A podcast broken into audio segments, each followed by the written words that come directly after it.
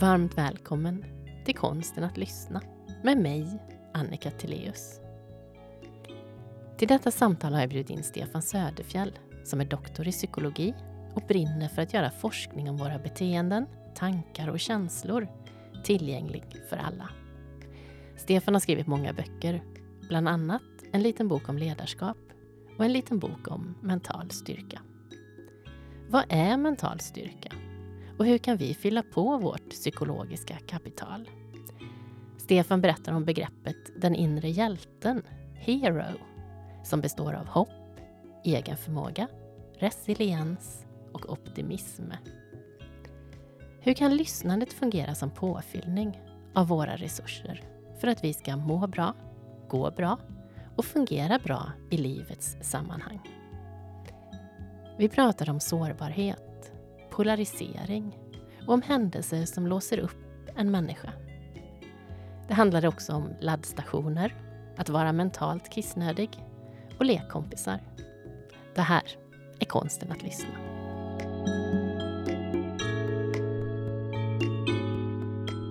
Innan vi börjar så har jag en ritual. Jag har en poddbön och den går så här. Jag bjuder in den klokaste delen av mig till detta samtal. Låt mig vara öppen, äkta och närvarande. Låt samtalet vara varmt, utforskande och fullt av tillit. Låt oss ta fram det bästa i varandra och välkomna det som sker. Låt detta samtal bli ett fint minne som vi skapar tillsammans, här och nu. Vad händer i dig? Vilken skön inledning. Ehm, jag vill också att det ska bli ett, eh, ett eh, fint, ärligt samtal ehm, eh, där jag får en möjlighet att ehm, lyssna och ta in de frågor som du formulerar och, och tänka till på de svar jag ska leverera. Kanske får jag följdfrågor att vända tillbaks till dig så att jag är nyfiken och spänd av förväntan på att se vart det här samtalet ska föra oss. Det är jag också. Mm. Varmt välkommen Stefan Söderfjell. Tack så jättemycket. Jättekul att ha dig här. Och jag tänker att vi ska försöka para ihop de hållen som vi kommer ifrån. Jag tror att det finns väldigt, väldigt mycket överlappning. Men eh, jag hade Emma Stenström på besök eh, för ett tag sedan och vi pratade, vi hamnade och pratade väldigt mycket om nyfikenhet. Och så sa Emma att man kan inte vara nyfiken om man inte är på en bra plats. Och jag tänker att det gäller ju lyssnandet också. Dels att vara nyfiken, att det hör så mycket ihop med lyssnandet men att det är väldigt svårt att lyssna när man inte är på en bra plats. Jag frågade nyligen på en, en föreläsning var, när kan man inte lyssna?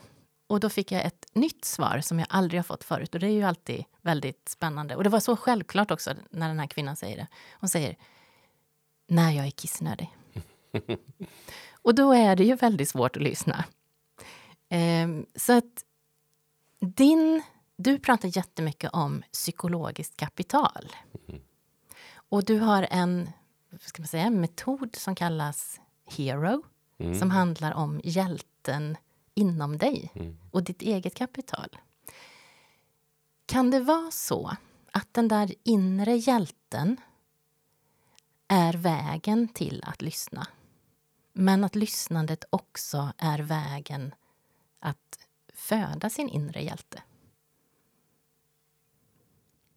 Ja, eh, jag svarar direkt ja eh, på på den andra frågan där. Att eh, eh, genom att lyssna eh, så föder du och göder du ditt eh, inre psykologiska kapital. Jag tror i och för sig att jag svarar ja även på din första fråga för att när vi känner oss eh, tillfreds med oss själv, när vi känner oss trygg i våran egen förmåga och känner tillit till vad vi kan och att vi eh, känner tillförsikt inför eh, vart vi är på väg i livet och så vidare så behöver vi inte eh, vi behöver inte ägna en massa mental energi åt att gå runt och oroa oss för vad som kommer att hända och om vi kommer att räcka till. Och eh, lyssnande, precis som du inledde, handlar ju väldigt mycket om att vara på en bra plats. Och eh, liknelsen med att vara kissnödig skulle man ju kunna faktiskt lyfta in i huvudet och säga att man skulle kunna vara mentalt kissnödig. Och eh, det skulle ju då i sådana fall eh, komma till uttryck i att man går omkring och, och grubblar över tillvaron, känner oro över vad som komma skall.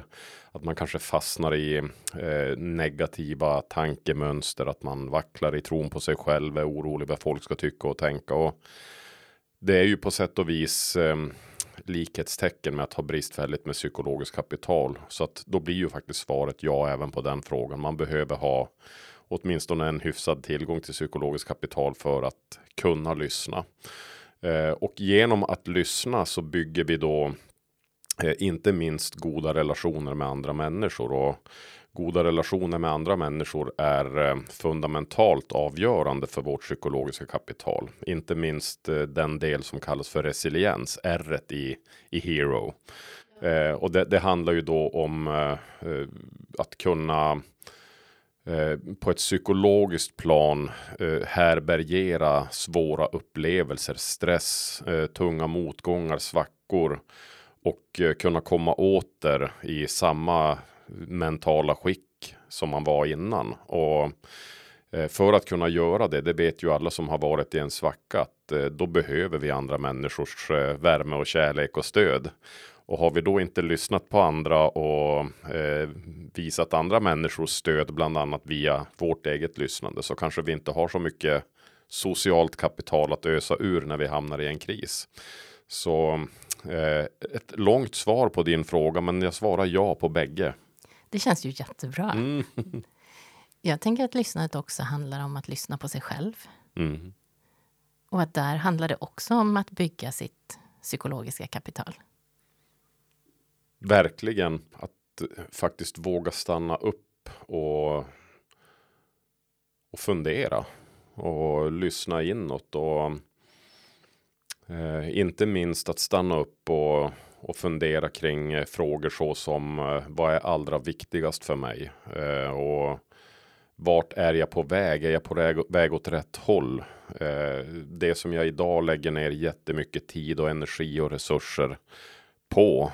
Är det verkligen det som berikar mitt liv allra mest? Och är det det som gör mig mest tillfreds? Och jag tror att jag själv till 100% säkerhet och många med mig många gånger fastnar i, i allehanda distraktioner som gör att vi inte lyssnar inåt utan vi, vi fångas av en massa yttre stimulans och yttre intryck, inte minst från våra mobiltelefoner. Eh, och ehm, eh, det skulle nästan kunna beskrivas som någon form av eh, antites till att lyssna inåt. Att då slipper jag ta tag i det som pågår på insidan för jag kan ha mitt fulla fokus på det som ligger utanför mig själv. Berätta lite mer om psykologiskt kapital. Jag, det är kanske inte alla som är bekanta med det begreppet. Det är inte det och jag för något slags mission eh, sedan några år tillbaka om att försöka göra det här begreppet psykologiskt kapital mer känt hos gemene man därför att eh, det är min fasta, fasta övertygelse och jag får eh, jättemycket belägg för den övertygelsen när jag möter människor som jobbar med det här. Eh, men den är också uppbackad av väldigt, väldigt mycket forskning att eh, psykologiskt kapital är de kanske viktigaste mentala resurser vi människor har att tillgå. Åtminstone sådana mentala resurser som låter sig påverkas och utvecklas. Eh, och eh, psykologiskt kapital är som ett slags mentalt bankkonto. Det är eh, en eh, bank. Eh, pool eller tillgångar som är av mental art, det vill säga föreställningar, tankemönster som vi har om oss själva och, och vår omvärld och vår relation med vår omvärld här och nu och i framtiden som på olika sätt gör tillvaron lite enklare för oss som på olika sätt hjälper oss att eh, eh, frambringa motivation och energi som hjälper oss att eh, eh, att eh, fortsätta kämpa när vi behöver göra det som gör att vi klarar av att ta oss an utmaningar och ta oss ur svackor och så vidare.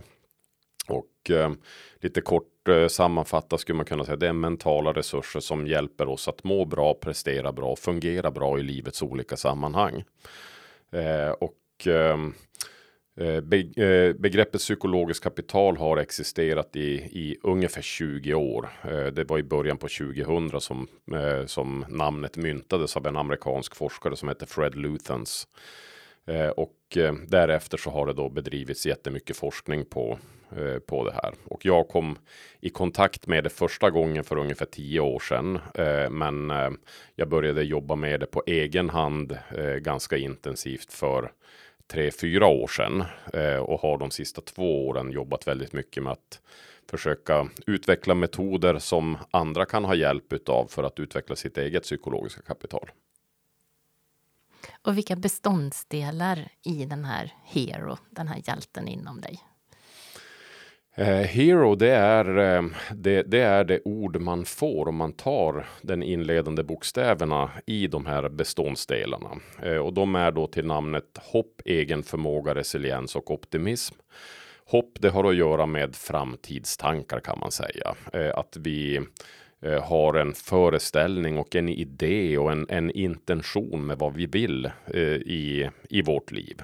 Och det kan ju se olika ut i privatlivet, i jobblivet, i, i, när vi håller på med fritidssysselsättningar.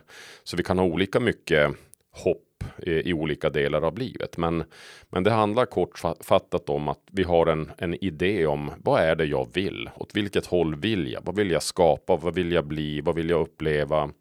Eh, och eh, att vi också har, för att det ska bli hopp och inte bara önskedrömmar, så har vi också en medvetenhet om hur ser vägen dit ut? Vad är det jag behöver göra för att kunna förverkliga de här äh, målbilderna eller, eller önskedrömmarna?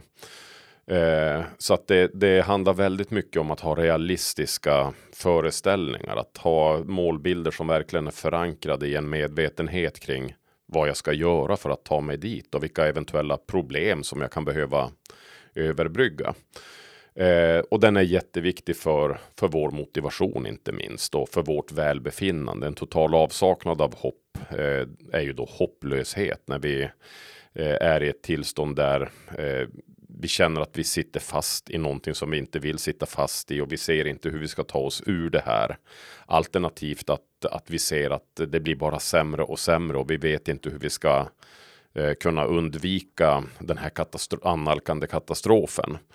Eh, och när vi känner hopplöshet så eh, då blir vi, tenderar vi bli apatiska och hjälplösa och, och deprimerade och håglösa.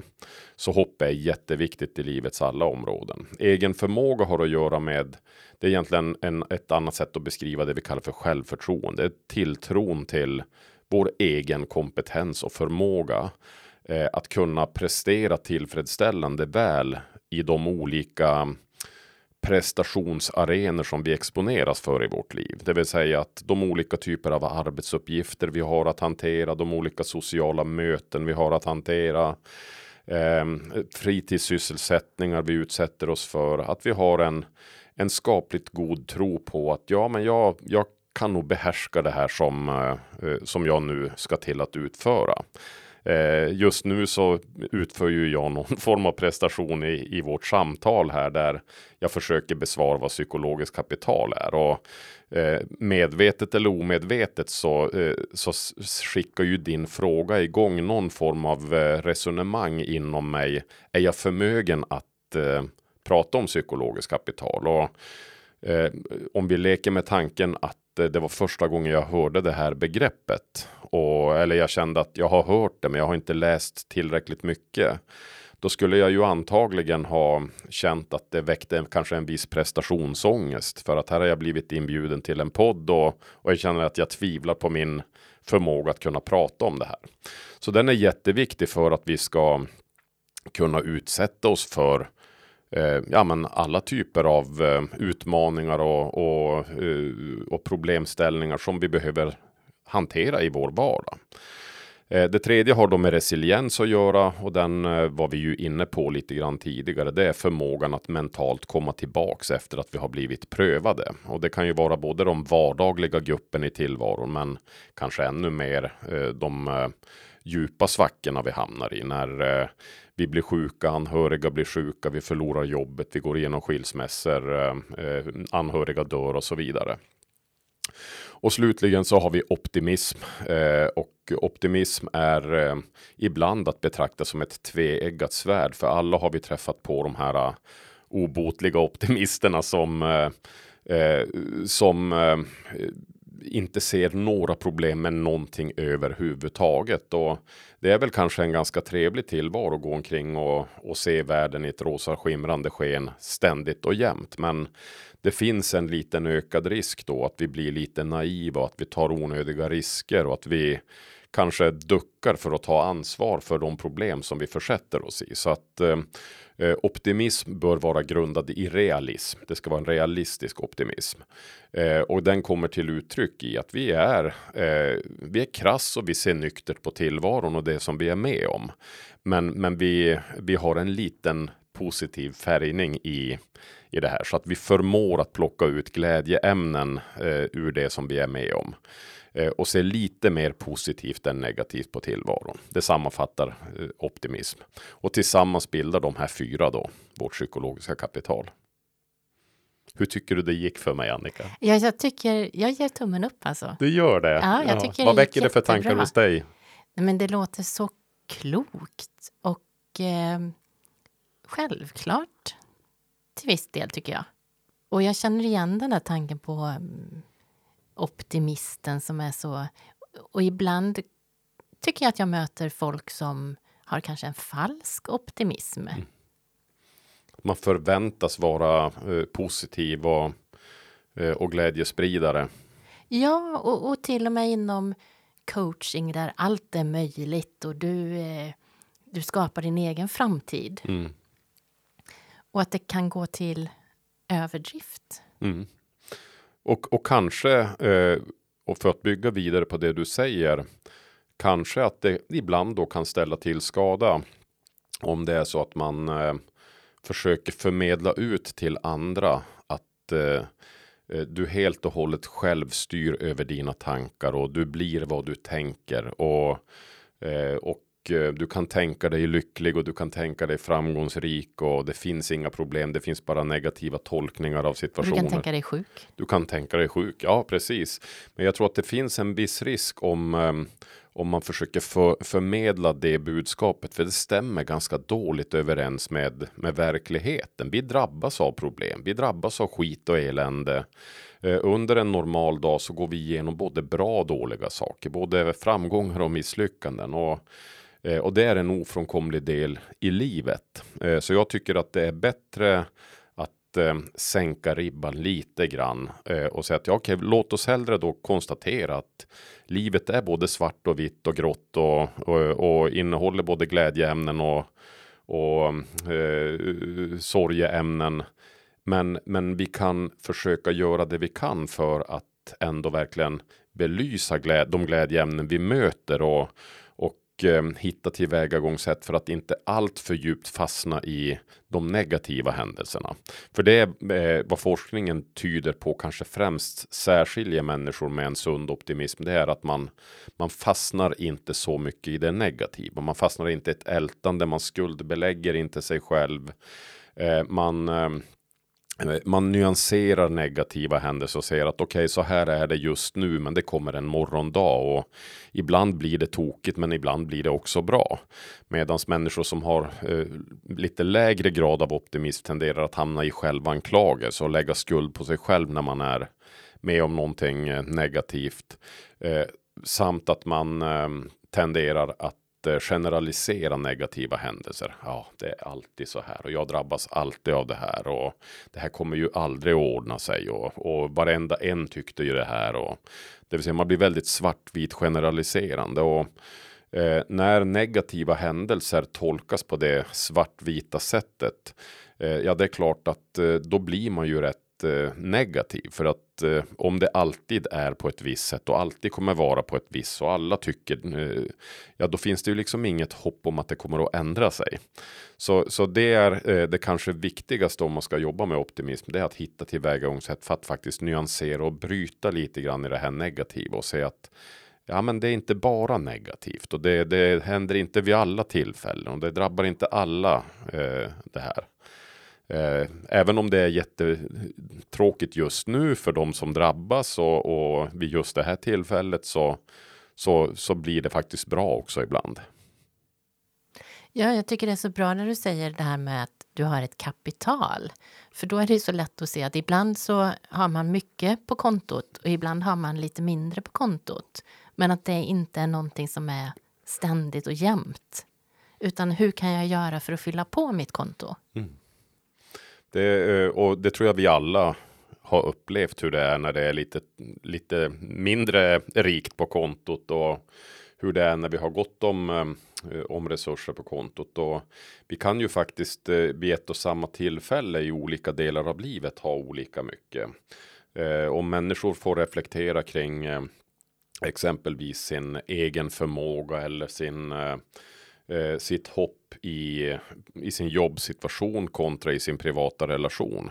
Så, eh, så blir väldigt många människor som jag möter när vi har utbildningar och utvecklingsprogram i psykologiskt kapital väldigt varse att eh, ja, men jag känner jättemycket hopp och motivation och engagemang i den här delen av livet. Men sen, eh, sen kommer jag till jobbet eller sen kommer jag hem och då känner jag inte alls på samma sätt. Och jag känner mig jätteduktig och tror på mig själv när jag är med mina barn eller med min sambo. Men sen kommer jag på jobbet och då bara vacklar jag hela tiden.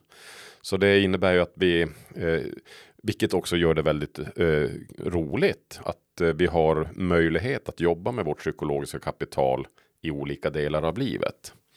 Eh, kan man flytta byta mellan de här olika kontona också? Eh, eh, jag, jag, tror att eh, en del eh, av vårt psykologiska kapital flyttas oavsett vi vill det eller inte. En del är ju såklart sprunget ur vår personlighet och våra gener. Där vissa människor har eh, haft tur i det genetiska lotteriet och har lite lättare att se positivt på sig själv och sin förmåga och på tillvaron. Eh, Medan det kanske då eh, är lite mer utmanande för andra. Eh, men, men det är klart att du kan ju åtminstone flytta på det så tillvida att metoder som kan hjälpa dig i en livsarena kan ju också hjälpa dig i en annan livsarena.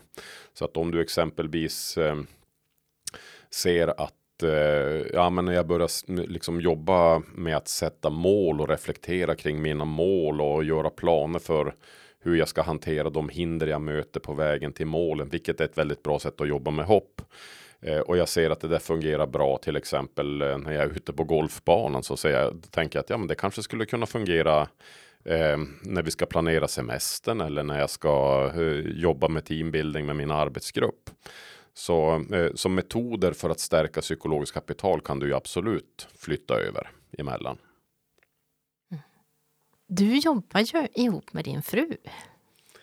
Ja, eh, lite grann eh, gör vi det. Eh, in, inte, eh, inte hela tiden. Det skulle nog ingen av oss vilja. Eh, men däremot så tycker vi det är väldigt eh, roligt att göra det i viss utsträckning. Eh, och eh, det är i huvudsak kopplat till psykologiskt kapital som vi gör gemensamma, eh, gör gemensamma saker då. Så min fru hon Eh, Eh, hon gör en del själv också kopplat till det. Hon, eh, hon är utbildad coach och coachar eh, ja, men chefer och medarbetare eh, i att stärka sitt psykologiska kapital. Eh, men sen gör vi också en del. Vi har ett utvecklingsprogram som vi ger tillsammans där vi träffar en grupp människor under ett antal dagar och så, och så jobbar vi med olika typer av övningar och aktiviteter för att stärka psykologiskt kapital. Eh, och det är eh, jätteroligt. Vi ska iväg på ett sånt eh, nu imorgon och på fredag faktiskt. Eh, så att ja, det, och, och det gör ju att vi också kan prata om psykologiskt kapital med varandra.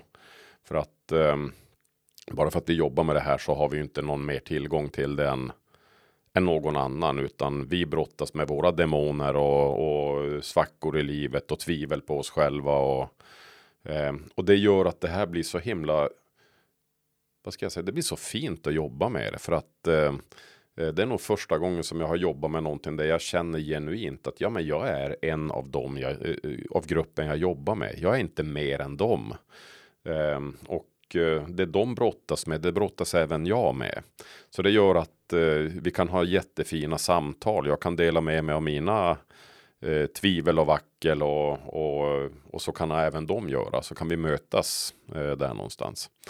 Så att ehm, eh, och det gör ju såklart att även jag och min fru kan byta erfarenheter kring det här. Det låter jättefint. Det är, det är eh, det är kanske vissa som skulle avråda från att jobba med sin eh, partner, men jag tycker att vi har hittat en, en väldigt bra lagom nivå på det. Jag har egentligen slutat att vara ute och hålla utbildningar och, Eh, och eh, tycker egentligen mest om att sitta och skriva böcker och, och klura på nya koncept. Eh, men just den här vill jag inte riktigt släppa. Den här tycker jag är, den ger så otroligt mycket att få möta människor som vill jobba med sitt psykologiska kapital och ja, men de, de berättelser som vi får från många av dem som går igenom de här programmen är berättelser som jag aldrig under mina 25 års tid som jag har jobbat med eh, utveckling av chefer och medarbetare och, och människor i allmänhet eh, har fått. Det, det, är så otroligt fina berättelser hur människor har gjort ja, men väldigt stora förändringar i sitt liv i positiv bemärkelse som en följd av att man har börjat jobba med sitt psykologiska kapital. Mm. mm. är det lika stor skillnad på de som kommer in som är nya på området som jag föreställer mig de som då kommer in och faktiskt har jobbat lite grann på området? Eller med sig själva kan man säga. Um, det, det, jo, men det, eh, det, skulle jag nog eh, kunna tänka mig att det är för att um, uh, vi har ju utvecklat då en, ett koncept för att mäta psykologiskt kapital som heter Hero IQ som är ett slags mät mätverktyg, eh, en självskattnings, eh, eh, ett självskattningsverktyg där där människor då eh, via en validerad psykometrisk skala svarar på frågor för att mäta sitt eget psykologiska kapital. I arbetet eh, är Hero IQ inriktat då. Och då får man ett ingångsvärde där vi ser ja, men, hur ligger du till just nu? Eh, och det, eh, det ingångsvärdet får man då ta som avstamp för att eh, planera för vad ska jag försöka jobba med för att stärka mitt psykologiska kapital. Någon kanske vill lägga fokus på hopp, någon vill lägga fokus på optimism, ytterligare någon på resiliens och egen förmåga och så här. Eh, och så får man då jobba med olika aktiviteter. Eh, dels under vårt utvecklingsprogram eller de aktiviteter som som man kommer överens om i ett coachande samtal och sen mäter vi på nytt efter överenskommen tid, kanske tre, fyra, fem, sex månader eller så. Eh, och eh, det vi kan se är en, en, en väldigt markant förändring. Det vill säga man eh, på de här frågorna så skattar man väldigt mycket högre i genomsnitt vid eh, det uppföljande tillfället. Och Eh, jämför vi med personer som eh, bara fyller i de här enkäterna, men de jobbar inte med sitt psykologiska kapital däremellan, så ser vi att ja, deras, eh, eh, deras eh, skattningar skiljer sig inte åt mellan de här bägge tillfällena. Så någonting händer som gör att eh, man svarar mycket högre på frågor som har med hopp, egen förmåga, resiliens och optimism att göra. Och Eh, när man också frågar dem, liksom, kan du berätta med egna ord hur du tycker att livet har blivit annorlunda så får vi också eh, personliga återgivningar. Och det här tyder ju då på att eh, för att svara på din fråga, de som lägger mycket tid och energi och resurser på det och har gjort det kanske under många år. De kan vi nog anta att om de gör en sån här skattning första gången så kommer de att ligga något högre än personer som inte har jobbat med sitt psykologiska kapital. Eh, men det är ju samtidigt otroligt hoppfullt att veta att det går att, att utveckla. Och jag har sett sådana här eh, nästan kvantsprång. Eh, vissa personer som har legat eh, relativt sett väldigt, väldigt lågt när man har gjort första eh, skattningen och sen jobbar vi under några månader och så gör man en ny sån här skattning och så ligger man jätte, jättehögt och och den återspeglar deras egna berättelse. Att ja, men det, det, har hänt så mycket i livet och jag tror helt plötsligt på mig själv och jag vågar ta på mig de här eh, uppdragen som jag tidigare inte och de här möjligheterna har dykt upp. Så att eh, eh, det går att utveckla och jobbar man med det precis som egentligen vilken färdighet som helst. Eh, går vi på gymmet och lyfter vikter eller om vi eh, läser eh, historieböcker för att lära oss historia. Ja, då, då, blir det ju så att vi, vi fyller ju på. Men vi måste underhålla det, det får vi inte glömma. För att eh, om vi inte underhåller det så tenderar det att, eh, att falna. Så de allra flesta färdigheter och förmågor kräver underhåll, regelbundet underhåll. Men någonstans får man ju börja ändå. Och vad är det viktigaste som eh, kursdeltagarna tar med sig? Är, kan du säga att det är en grej som... Eh, jag skulle säga att eh, det är två saker som eh, utöver den här Hero IQ, för den, den väcker väldigt mycket. Men, men av de saker som vi sen gör på, på de här programmen så är det två saker som sticker ut. Eh, den ena är att vi, eh, vi lägger rätt mycket fokus på att verkligen stanna upp och fundera på vad är det som på riktigt är viktigast just för dig i ditt liv. Eh, och vi gör det liksom i flera varv så att man verkligen får fundera på, ja men om du nu måste välja av de här sakerna, vad är verkligen viktigast just nu i ditt liv? Det kan skilja sig åt om 5-10 år, men just nu, vad är allra, allra viktigast? Och Eh, eh, när du får det här som är viktigast för dig. Eh, att man får verkligen gå in i och fundera på vad gör det med dig när du när du får spendera tid med den här personen som du tycker om eller när du får utföra dina favoritsysslor eller vad det nu än kan vara. Så, så det brukar bli en, eh, vilket man kan tycka är ju anmärkningsvärt för det här det borde vi ju ha koll på, men det har människor inte koll på, utan eh, när man viker tid till det i lugn och ro tillsammans med andra och verkligen få stanna upp och reflektera så, eh, så blir det verkligen sån här oj, oj, oj. Eh, och det här lägger jag ju alldeles för lite tid på, trots att det är så uppenbart att det är viktigast för mig. Eh, så det är den ena. Och den andra, och det var därför jag faktiskt eh, spontant blev jätte, jätteglad när du bjöd in mig till den här podden. Eh, det är att vi har olika aktiviteter där man får försöka fullständigt gå in i ett lyssnarmode och fullständigt bara lyssna på vad en annan människa säger. Eh, och eh, vi har en eh, eh, en aktivitet som bygger på att lyssna utan att överhuvudtaget eh, kommentera eller ställa följdfrågor och utan bara finnas, finnas nära personen när personen berättar sin berättelse. För att slippa tänka på vilka följdfrågor ska man komma med och och vilka, när ska man nicka och humma och så vidare. Många gånger är de här teknikerna som vi använder för att lyssna aktivt så blir de nästan till distraktioner för oss. Och när vi istället bara 100% får fokusera på att bara lyssna, tänk inte på någonting annat.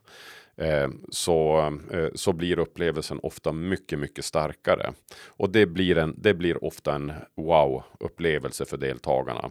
Både de som lyssnar men också för de som pratar, att få prata helt oavbrutet om sig själv och någonting som är angeläget för en själv eh, under eh, en lite längre tid. De får göra ganska lång tid där. Så att eh, det är väl de två som sticker ut skulle jag säga. Vad spännande. Ja. ja. Vad är dina bästa tips till lyssnande? Jag tänker ju, eh, lyssnande är ju eh, någonting som det känns som vi blir ju aldrig fullärda i. Nej. Nej, verkligen inte. Jag tänker att vi har som en skala där vi i ena ändan inte lyssnar alls och andra ändan lyssnar fantastiskt bra så att vi till och med i princip kan läka en annan människa. Och att vi rör oss hela tiden upp och ner längs den här skalan. Och att vara medveten om var är jag just nu? Mm. Och vad kan jag göra för att gå lite närmare ett bättre lyssnande om det behövs. Och att öva upp så att man vet att jag har tron på min egen förmåga att jag kan ta mig långt mm. åt ett bra lyssnande. Och överhuvudtaget att prata om vikten av att lyssna och vad som händer när vi lyssnar. Jag har ju svårt att lyssna utan att nicka. Jag har rätt lätt att lyssna mm. utan att kommentera eller avbryta. Eh, jag märkte när jag spelade in podd med Anna Bergholtz, eh, som är blind. Då kände jag att nickarna inte framgick. Så att eh, i det läget så blev det mer mm, mm. mm. För att jag kände en, att jag ville förmedla att ja, men jag är här, jag är med. Som jag gör när jag nickar. Mm. Och nickarna i min värld behöver inte betyda att jag håller med, men att jag är med. Mm. Och sen eh, ibland har jag gjort någon övning där man har suttit axel mot axel fast med ansikten åt olika håll så att mm. man inte ser varann. Och hur, hur människor kan uppfatta att det var fantastiskt att få lyssna. Och det var ing, det ingen som... Jag behöver inte ens fastna med blicken eller fundera på vart jag tittar eller nicka eller någonting. Utan jag, jag sitter där. Mm. Och vi har till och med kroppskontakt och den lyckas förmedla att jag är här och närvarande och lyssnar. Vad, vad spännande. Det väcker en association. Ehm, jag jobbade med ledarskapsutveckling under många år inom ehm, eh, inom polisen och, och jobbade åt nationella insatsstyrkan under ett antal år. Och vi hade förmånen att få utbilda och träna alla deras chefer och medarbetare i ledarskap under ett antal år. Eh, och det var en, var och är en fantastisk eh, eh grupp människor som eh, är så otroligt utvecklingsvilliga och utvecklingsorienterade. Så att vi hade ju sådana enorma möjligheter att experimentera med olika pedagogiska eh, metoder under de här åren som vi jobbar med dem. Och då vill, jag minnas att jag läste i en bok om en, eh, en övning, jag minns inte vilken bok det var, där eh, det handlade om att bryta de här eh, invanda stereotypa föreställningarna som vi har om varandra. Eh, inte minst om du jobbar i en, eh, Eh, en verksamhet där du kanske har olika gradbeteckningar på armarna och det, det, finns liksom olika status och beslutsmandat förenat med det. Eh, och att det gör att eh, bara det faktum att du ser den andra personen så, så färgas samtalet för att ni har ni har invanda roller. Eh, och Ehm, då, då var rekommendationen då att man då och då skulle ta på sig ögonbindlar för att prata om eh, olika ämnesområden. Eh, för att när det har gått ett tag och du sitter i en grupp och pratar med ögonbindel så, så eh, då försvinner i och med att du inte har de här visuella intrycken så försvinner gradbeteckningar och de här stereotypa uppfattningarna. Det blir bara röster som förmedlar budskap och information. Eh, och jag minns att vi testade det där och, och de satt nog eh, ja, säkert i någon timme med, jag kommer inte ihåg vad temat var, men det blev helt fantastiska samtal. Eh, där chefer pratade med sina medarbetare och, och det var på ett helt, eh, helt öppet, eh, odramatiskt sätt verkligen. Så det påminner lite grann om det du just berättade. Mm eh, när jag startade mitt företag och skulle välja namn så visste jag att ja, men jag vill väldigt gärna jobba med utveckling. Och eh, så var så här, men hur, var, var hamnar jag någonstans? Så jag döpte mitt företag till Utvecklingsverkstan. För jag tänkte att här har jag, jag har lite olika arbetsstationer men det är den som kommer till verkstaden som får göra jobbet. Och då var också idén att ja, men tänk om jag köpte arbetsrockar eller så här, skyddsrockar. Så att alla när de kom fick på sig varsin mm. skyddsrock. Och jag, jag har aldrig prövat det. Men jag gillar den där tanken på att vi någonstans är lika. Mm. Och ta bort eh, alla de här attributen som... Eh, för vi tillåter, det är klart, det är ju någonting vackert och fint med att vi är olika. Eh, men i vissa sammanhang kanske det kan vara bort, bra att ta bort en del av de här synbara yttre attributen i alla fall för att lättare kunna komma åt de här inre olikheterna då där vi kanske har olika perspektiv och synsätt.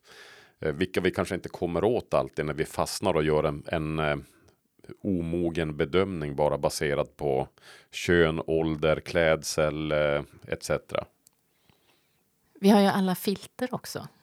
Att det vi ser är inte ens det som är på riktigt. Så är det ju. Och den där är ju svår, även om man vet det så är den ju svår att ta in naturligtvis. Att eh, min upplevelse av saker och ting är ju alltid min upplevelse som eh, via då synintryck och hörselintryck och, och via känsel liksom tas emot men sen färgas av mitt, till, mitt humör, mitt sinnestillstånd för stunden, vad jag har varit med om tidigare under dagen, Eh, min ehm, livserfarenhet, min personlighet, mina gener, eh, vad som händer runt omkring med vilka som är närvarande och så vidare. Eh, vilket ju då gör att vi har ju, alltså det vi upplever, det är ju ständigt färgat av saker och ting många gånger när vi, eh, när vi hamnar i diskussioner och pratar med andra människor så, och vi kanske börjar träta och diskutera och argumentera om någonting, så glömmer vi ju bort att eh, eh, vår ståndpunkt väldigt ofta är inte baserad på fakta, utan den är, eh, den är baserad på våra tolkningar av möjligen fakta. Eh, och jag läste alldeles nyss faktiskt en jättespännande studie kopplat till lyssnande Eh, där eh, eh man i olika typer av kontrollerade experiment eh, har undersökt hur olika kvalitet av lyssnande kan låsa upp Eh, eh, polariserade positioner i en, eh, i en ja, men debatt eller en diskussion. där man då via manipulation av ena partens lyssnande kunde se att om man lyssnar dåligt och, och liksom gick in och började diskutera och argumentera och inte riktigt bekräfta motpartens argument och visa att man ville förstå så kunde man se att motparten eh, istället för att då ändra åsikt, vilket man kan tänka är själva poängen med en diskussion, att få någon att ändra åsikt. Men konsekvensen blev att motparten bara blir mer befäst i sin åsikt. Eh, och ehm, eh, det som hade absolut bäst inverkan på, eh, på att bryta upp den här polariserade, eh, polariserade eh, inställningen, det var att man kände sig genuint lyssnad på. Eh, och det, blir, eh, det finns ett begrepp inom ledarskapsforskning som kallas för transformerande ledarskap. Och transformera innebär ju att, att omvandla eller ändra form. Eh, och när man känner sig genuint lyssnad på någon, när någon eh, utgör nästan som en ja, men typ en regissör för en som sätter scenen där man liksom får sätta ord på sina viktigaste tankar. Många gånger så är det första gången som de på riktigt blir synliga för en. Det är ungefär som när man undervisar i ett ämne eh, där man eh, kommer på sig själv under själva föreläsningen att ah, nu förstår jag ju den här teorin. Fast man inte har förstått den innan. Eh, och eh, eh, jag tror att det är vad som händer när vi blir genuint lyssnade på. Att då, då blir våra egna upplevelser, våra egna tankar blir synliga därför att vi, vi bereds utrymme, tid och mark att faktiskt sätta ord på det. Och då blir även eh, hålen i vårt resonemang mer tydliga för oss. Så det gör att vi i större utsträckning kan förstå att vänta nu, det här hänger inte riktigt ihop det här argumentet som jag nu eh, för fram. Och jag tror att det är det som händer när vi då blir genuint lyssnade på och vi luckras upp i, i våra tidigare så fasta övertygelser. Att vi själv transformativt eh, kommer till insikt att nej men vänta nu, det kanske inte är riktigt på det här sättet. Jag kanske får tänka om lite grann. Mm. Så världen skulle vara bättre om alla var bättre på att lyssna? Det är min fasta övertygelse eh, och Eh, jag tror att det vore eh, otroligt god investering att från tidig ålder få lära sig att lyssna. Jag tycker inte att vi är så bra på det om jag ska vara ärlig. Jag tycker att jag själv har jättemycket att jobba på eh, när det gäller lyssnande. Eh, och eh, är dock medveten om det. Så jag försöker så ofta jag kan.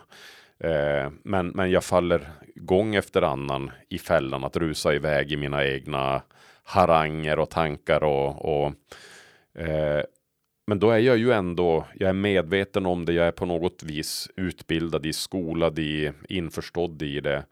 Men, men jag tänker när vi är fortfarande så formbara som vi är när vi är små, det är ju där vi verkligen borde få lära oss eh, det här hantverket som det faktiskt är att verkligen sätta sig in i en annan människas värld och, och ta den människans perspektiv och se på världen med den personens ögon. Och då tror jag världen blir bättre. Mm. Ja, det, det, låter ju fantastiskt. Och, och, som det hänger ihop med de egna resurserna och den där bra platsen att vara på. För mycket handlar ju också lyssnandet om att härbärgera både mina känslor, vad som dyker upp i mig när jag lyssnar och också vara öppen för vad som dyker upp i den jag lyssnar på. Mm. För många gånger möter jag personer som säger att Åh, men det är så jobbigt. Om, tänk om den personen jag möter börjar gråta. Mm. Ja, tänk om den personen mm. börjar gråta. Då är ni ju på någonstans kanske ett väldigt fint ställe. Mm. Tänk att den att personen dela har vågat eh, dela det med dig. Mm. Mm. mm. Och att våga stå kvar när någon gråter. Och att inte börja svaja i sina egna känslor i det. Mm. Det tror jag är en av förmågorna som också är viktiga mm. när man lyssnar. Jag, jag tror det också. Och um, uh, jag, jag, tycker ju, jag, jag, tycker inte att det är jobbigt överhuvudtaget faktiskt när eh, när jag eh, sitter med någon som, som gråter och, och blir ledsen. Och jag, eh, jag känner inte att jag har jobbigt själv heller om jag, om jag blir berörd och, eh, och gråter. Bara jag pratar om det så kan jag känna att jag nästan kan bli berörd och känna att jag blir tårögd. Um, och, och, det är väl någonting som jag känner att eh, åldern ändå har fört med sig. eh, någon form av acceptans för att det är okej okay och visa sig sårbar. Det är okej okay att vara ledsen. Det är okej okay att inte vara glad och stark i alla lägen. Det var, hade nog varit svårare för 30 år sedan tror jag för mig. Eh, kanske, kanske är det här någonting som eh, inte minst, minst vi män eh, kämpar en hel del med. Att, eh, att eh, våga komma ur den här eh, lite stereotypa ålderdomliga förväntansbilden som vi kanske har på oss själv och som samhället kanske har haft på oss att vi ska stå stark och inte visa sårbarhet och inte gråta och, och det, det, är ju så otroligt sorgligt att det ska vara på det sättet. Eh, och det är så himla fint eh, känner jag när eh, det, det, är fint när alla öppnar upp, men jag tycker att det är något särskilt fint när man ser, eh, och det är vanligast faktiskt när jag möter män, där man ser att nu äntligen så släppte de på på de här eh, barriärerna som har hållit emot och de sätter ord på det som har legat där inne och gnagt och det kommer ut. Uh, och när, när de slutar försöka liksom kämpa emot utan de låter det komma Ehm, det är någonting fantastiskt tycker jag. Mm. De här, du pratar om det hade inte varit så lätt för mig för 30 år sedan. Handlar det om din egen ålder, din egen erfarenhet eller handlar det också om vad som faktiskt har hänt i samhället på 30 år? Jag tror att det handlar eh, absolut en del om vad som har hänt i samhället och att eh, eh, jag tror nog ändå att det har luckrats upp lite grann. Det är, vi är inte fast lika mycket i stereotypa könsroller som vi kanske var bara för 30 år sedan i större utsträckning. Eh, så, så det är nog en sak att det har blivit mer okej. Okay. Det är inte lika tabubelagt längre. Eh, sen eh, tror jag eh, att det har varit även en personlig eh, både mognadsresa, naturlig mognadsresa, men, men också händelser som eh, eh, som har låst upp lite grann. Eh, när jag fick mitt första barn, min första, jag har tre barn, tre döttrar, så var det en väldigt eh, omtumlande förlossning som slutade i ett katastrofsnitt. Eh, och under ett antal minuter där så, eh, så han ju tankarna verkligen eh, eh, fara iväg eh, kopplat till kommer jag, kommer vi att kunna få behålla det här barnet? Eh, men också när de rullade in min, eh, mina barns mamma då på operationsrummet. Eh, kommer hon att överleva? Eh, och jag minns hur jag stod eh, ensam ute i korridoren och väntade medans, och det var ju bara någon minut. Det går ju jättesnabbt när, när de eh, bedömer att det, det är ett katastrofsnitt. Eh, och, eh, men det kändes ju som en evighet och det hann liksom snurra så många tankar. Jag eh, minns hur jag var liksom helt, ja, men jag var helt paralyserad. Det, det var så absurd eh, känsla. Vi har åkt in för att nu ska vi få vara med om det liksom mest underbara ljuvliga att vi ska få, få vårt första barn och så slutar det med eh, tankar om att eh, ja, men jag kanske förlorar både, både mm, min dåvarande fru och, eh, och det som skulle ha blivit vårt första barn. Eh, och, och sen gick det ju fort och jag hörde barnskrik där inne och, eh, och så kommer de ut då med, med min dotter och vi kan ganska snabbt konstatera att hon, hon är frisk. och där och då så var det en sån känslomässig Eh, alltså det, det, känns som att jag grät i två veckor efter det där. Eh, och jag känner hur jag börjar nästan gråta nu bara jag tänker tillbaks på det här. För att det, eh, när du är i den här situationen där eh, du föreställer dig det allra värsta. Och du hinner vara i den i åtminstone någon minut. Eh, och, eh, och sen när man tar bort den, den rädslan och den skräcken och du, eh, du liksom möts då av den här kärleken som du omedelbart känner till, till ditt barn.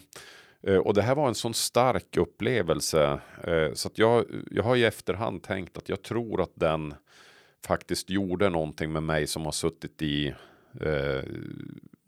ja, men resten av, av livet. Det här är ju 22 år sedan eh, ganska precis faktiskt som, som det här ägde rum. Och eh, många gånger tänkt på det att jag, eh, eh, jag har haft lättare att, eh, att bli gråtmild och, och gråta åt filmer eller gråta åt vacker musik eller gråta åt eh, ja, men händelser som man är med om eh, efter det här. Så det kanske var någon form av sån här isbrytare eh, för mig. Att vara med om den händelsen. Hade du någon som lyssnade på dig då?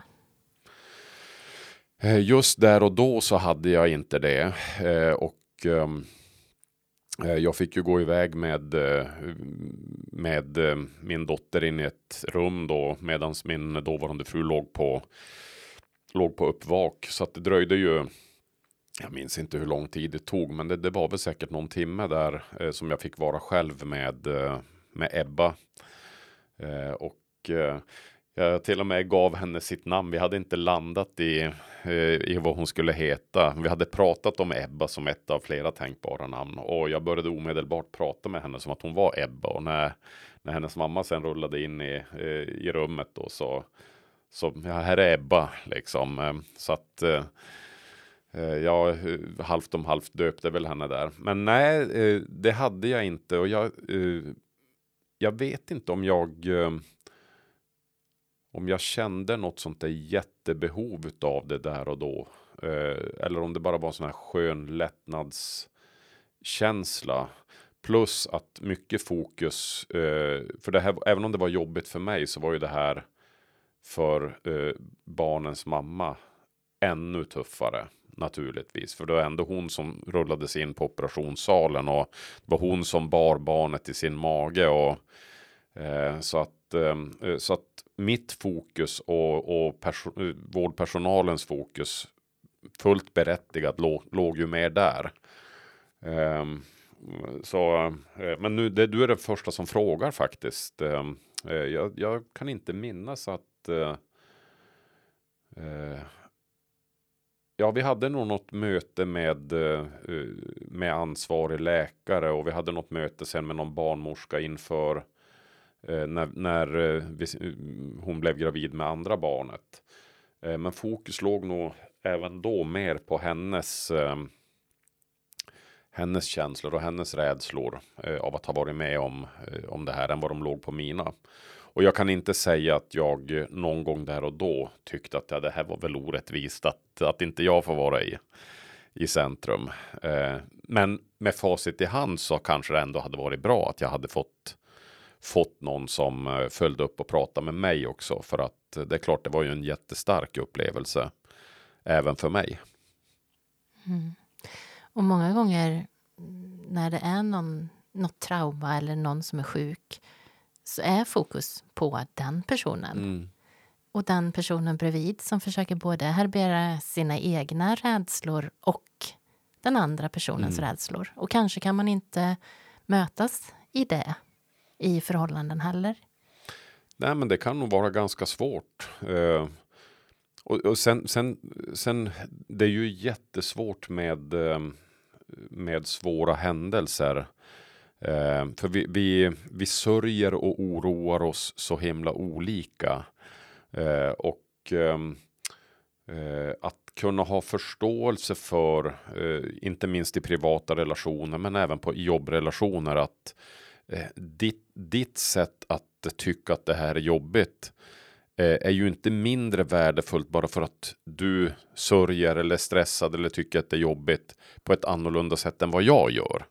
Utan ehm, eh, om, eh, om du gråter eller blir arg eller upprörd Ja, det, det, innebär ju inte att, det, eh, att jag sörjer mindre eller oroar mig mindre bara för att det inte kommer tårar från mina ögon. Eh, och det här tror jag är jätteviktigt att ehm, eh, återigen koppla tillbaks till det här med lyssnande. Att vi, att vi måste få tillåtas att eh, tycka saker och jobbigt på våra respektive sätt och att vi blir tagna på allvar oavsett hur vi, hur vi känner att saker och ting är jobbiga. Eh, och har vi svårt att eh, att visa oss sårbara, ja då blir det väl en, om möjligt än viktigare att vi känner att vi verkligen blir lyssnade på. Mm. Och att lyssnandet också är ett sätt att ta reda på hur du fungerar. Mm. Att ställa en fråga. Och bara det här, hur vill du bli lyssnad på? Mm. Den har man ju eh, ofta inte ett svar på. Nej. Och det, det, tycker jag är intressant, för det, det är ju ändå en sån otroligt eh, viktig förmåga som vi sällan pratar om. Mm. Och att bara fun börja fundera runt hur vill jag bli lyssnad på? Och, och det är olika i olika situationer. Mm. Har du landat i något svar på den frågan för egen del? Ja, men det är ju olika i olika situationer. En är ju att stå på scen. Och bli lyssnad på. En annan är ju i, i ett mm, samtal så här. Eller i en mm, kärleksrelation. Mm. Jag vill känna i alla dem, om jag ska försöka hitta något som är gemensamt för de här ändå, så att känna att det finns en närvaro att personen mm. är närvarande och nyfiken. Mm. Då kan jag nog klara mycket andra saker. Mm. Men om det, det, finns den där nyfikenheten och närvaron mm. så, så kommer man väldigt, väldigt långt. Mm. Du då? Ja, men det... Eh, jag, jag instämmer fullt ut i det, det som du säger, att det finns en genuin nyfikenhet, en god intention, en vilja hos den andra att, att förstå eh, mitt perspektiv. Eh, och ett icke-dömande, den, den skulle jag säga är också jätteviktig. Att även om vi är av olika uppfattning eller även om personen tycker att eh, jag har gjort fel eller, eller att det finns ett icke-dömande. Eh, den är väldigt, väldigt viktig för att det ska kännas bekvämt att, att öppna upp. Ehm, um, jag, uh, eh, har, för ett antal år sedan så hade jag ett samarbete med en israelisk forskare som heter Avraham Kloger. Uh, eh, och uh, Avi som han kallas har kommit att bli en av de världsledande forskarna på lyssnande faktiskt. Och, och eh, publicerat massor av spännande forskning. Och vi hade honom uppe i Umeå och han fick hålla i lyssnande workshops och, och föreläste eh, om lyssnande på en konferens som vi hade. Och, eh, och han, eh, en fantastisk historieberättare eh, och eh, han, han hade någon han, han hade någon liknelse där han sa att när vi lyssnar på en berättelse, eh, när en person står på scenen, när vi sitter i ett samtal. Så om, om vi tycker att föreläsaren inte är bra eller om vi tycker att berättelsen som personen berättar för oss är dålig. Så beror det lika mycket på det vårt dåliga lyssnande. Att det är vårt lyssnande som avgör om föreläsaren eller berättaren har någonting vettigt att tillföra. Och tycker vi inte att det är vettigt, då är det alltid klokast att börja vända blicken inåt och fundera på hur ska jag lyssna bättre? Eh, och det där tycker jag, eh, det där har följt med. Jag tycker det är en fantastiskt sätt att se på det. Att ehm, eh, utgå ifrån att den andra har någonting viktigt och klokt och, och bra att berätta. Om jag bara gör förutsättningarna goda för att han eller hon ska kunna göra det. Och det har jag känt som föreläsare hur många gånger som helst. När man har en publik som eh, med kroppsspråk eller eh, Eh, eller via de frågor som de ställer eh, får en att känna att man blir lite obekväm, att man tappar tempo eller man tappar tråden. Och så kan du ha eh, nästa dag en helt annan publik. Du ska prata om exakt samma saker och det är en fantastisk publik och du bara känner wow, kunde jag det här? Var jag så här jädra grym på att föreläsa om det här? Eh, och det, det är i mångt och mycket gruppen som har gjort dig eh, så bra som du just då var. Eh, så, eh, och, och, det handlar verkligen om det här med att man öppnar upp, man är nyfiken, man vill ta in, man visar verkligen att jag vill förstå och se på det du har att säga. Eh, sen, sen upplever jag att jag själv Eh, och, och, det här som vi har nu är ett, ett alldeles lysande exempel på det. Eh, jag har, eh, har genom åren då haft ett yrke där eh, Eh, jag har pratat väldigt mycket. Eh, som föreläsare ligger det lite grann i sakens natur. Eh, men, men jag har också i egenskap av författare och, och forskare också ofta hamnat i sammanhang där man frågar mig om vad jag tycker om saker och ting. Och ehm, jag kan ibland känna att jag stör mig på mig själv för att jag går in för mycket i talarens roll eh, när, jag är, eh, när jag är i professionella sammanhang. För att när jag sen finner mig i privata sammanhang, då kan jag hitta eh, en helt annan Stefan.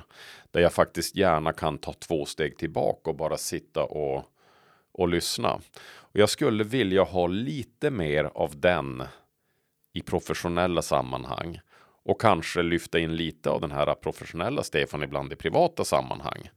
Eh, jag vet inte om det är någon sån här kompensatorisk grej att när jag har pratat väldigt mycket eh, så blir det eh, så att då backar jag undan lite mer. Kan till och med bli lite halvtråkig faktiskt när jag hamnar i privata sammanhang. När jag inte vet, ja men vad, vad ska jag prata om här? Kan du känna igen det där? Ja, men jag har ju absolut de här två sidorna också. Att, eh, och jag tror att det kanske handlar om att ha kontrast i livet. Att eh, jag har en stark lyssnande personlighet men jag älskar att stå på scen och prata. Mm. Och också tror jag att det är för att det är så tydligt, jag tar ingen annans plats, utan jag har blivit inbjuden att ta mm. plats. Jag skulle skicka med ett medskick till dig som lyssnar. Och det är att fundera runt det här med att lyssna från en bra plats. Hur kan du hjälpa dig själv att vara på en bra plats? Och eh, jag föreställer mig att man kan göra en, en eh, parallell till en robotgräsklippare. att den åker in till sitt lilla hus, sin lilla laddstation ibland och laddar upp sig. Och eh, vad har du för laddstationer i livet? Och vad händer på din laddstation? Hur ser du mm. till att fylla på dina batterier? för att kunna lyssna riktigt, riktigt bra.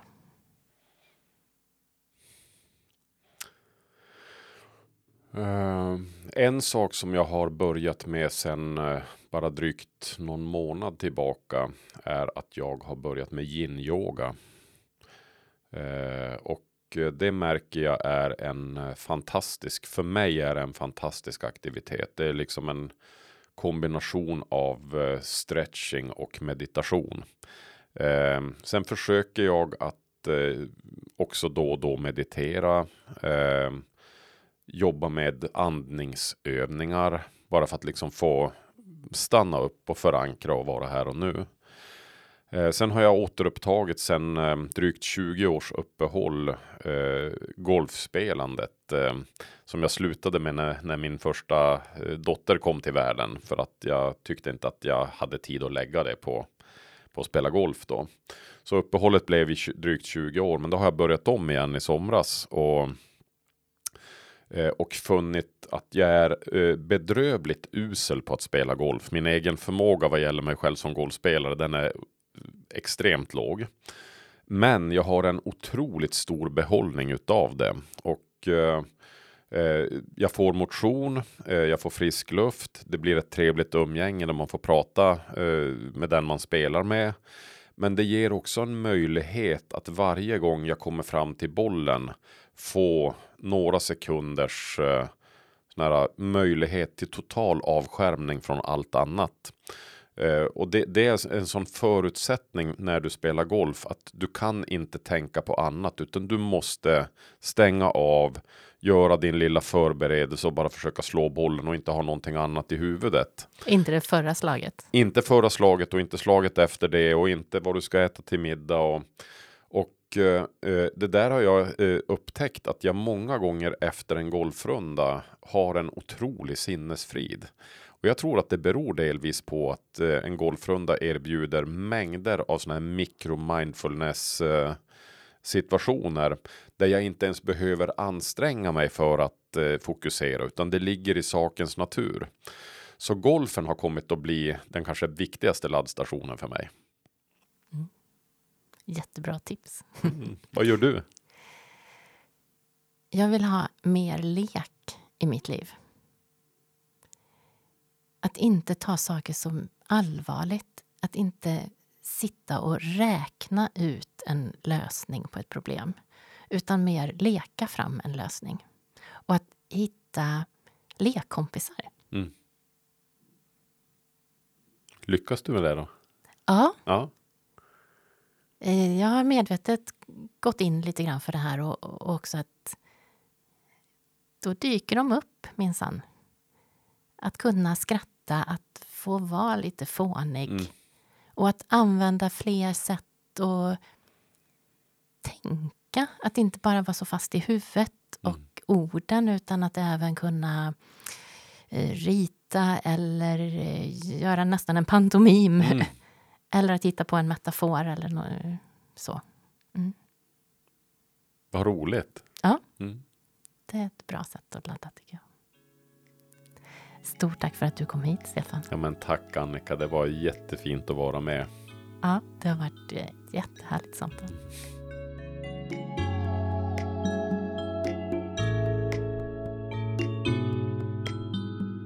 Vi kom in på yttre distraktioner och hur vi ibland kan använda det för att slippa ta tag i det som pågår på insidan.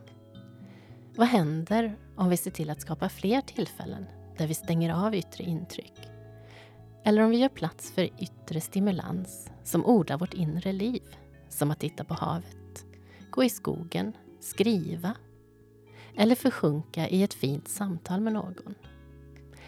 Ett sätt att börja bygga ditt psykologiska kapital är att svara på de viktiga frågorna som Stefan ställde i avsnittet. Vad är allra viktigast för dig i ditt liv? Och hur mycket tid lägger du på det som berikar ditt liv mest? I avsnitt 30 fick jag besök av Tina Törner som pratar om vikten av att jobba med mental styrka i arbetsgrupper. Hon tipsar om Stefan och forskningen om psykologiskt kapital. Det är ett fartfyllt avsnitt med mycket energi och många kloka tankar. Har du feedback på podden så kan du mejla till feedback.konstenatlyssna.se. Dit kan du också skriva om du vill boka mig som föreläsare, kursledare eller för att leda workshops och utvecklingsprocesser. Du har väl inte missat att Konsten att lyssna även finns som bok? Vill du att fler ska bli bättre på att lyssna så tipsa gärna om boken och podden. Du kan också ge podden betyg på Spotify eller där du lyssnar på poddar. Tack för att du har lyssnat.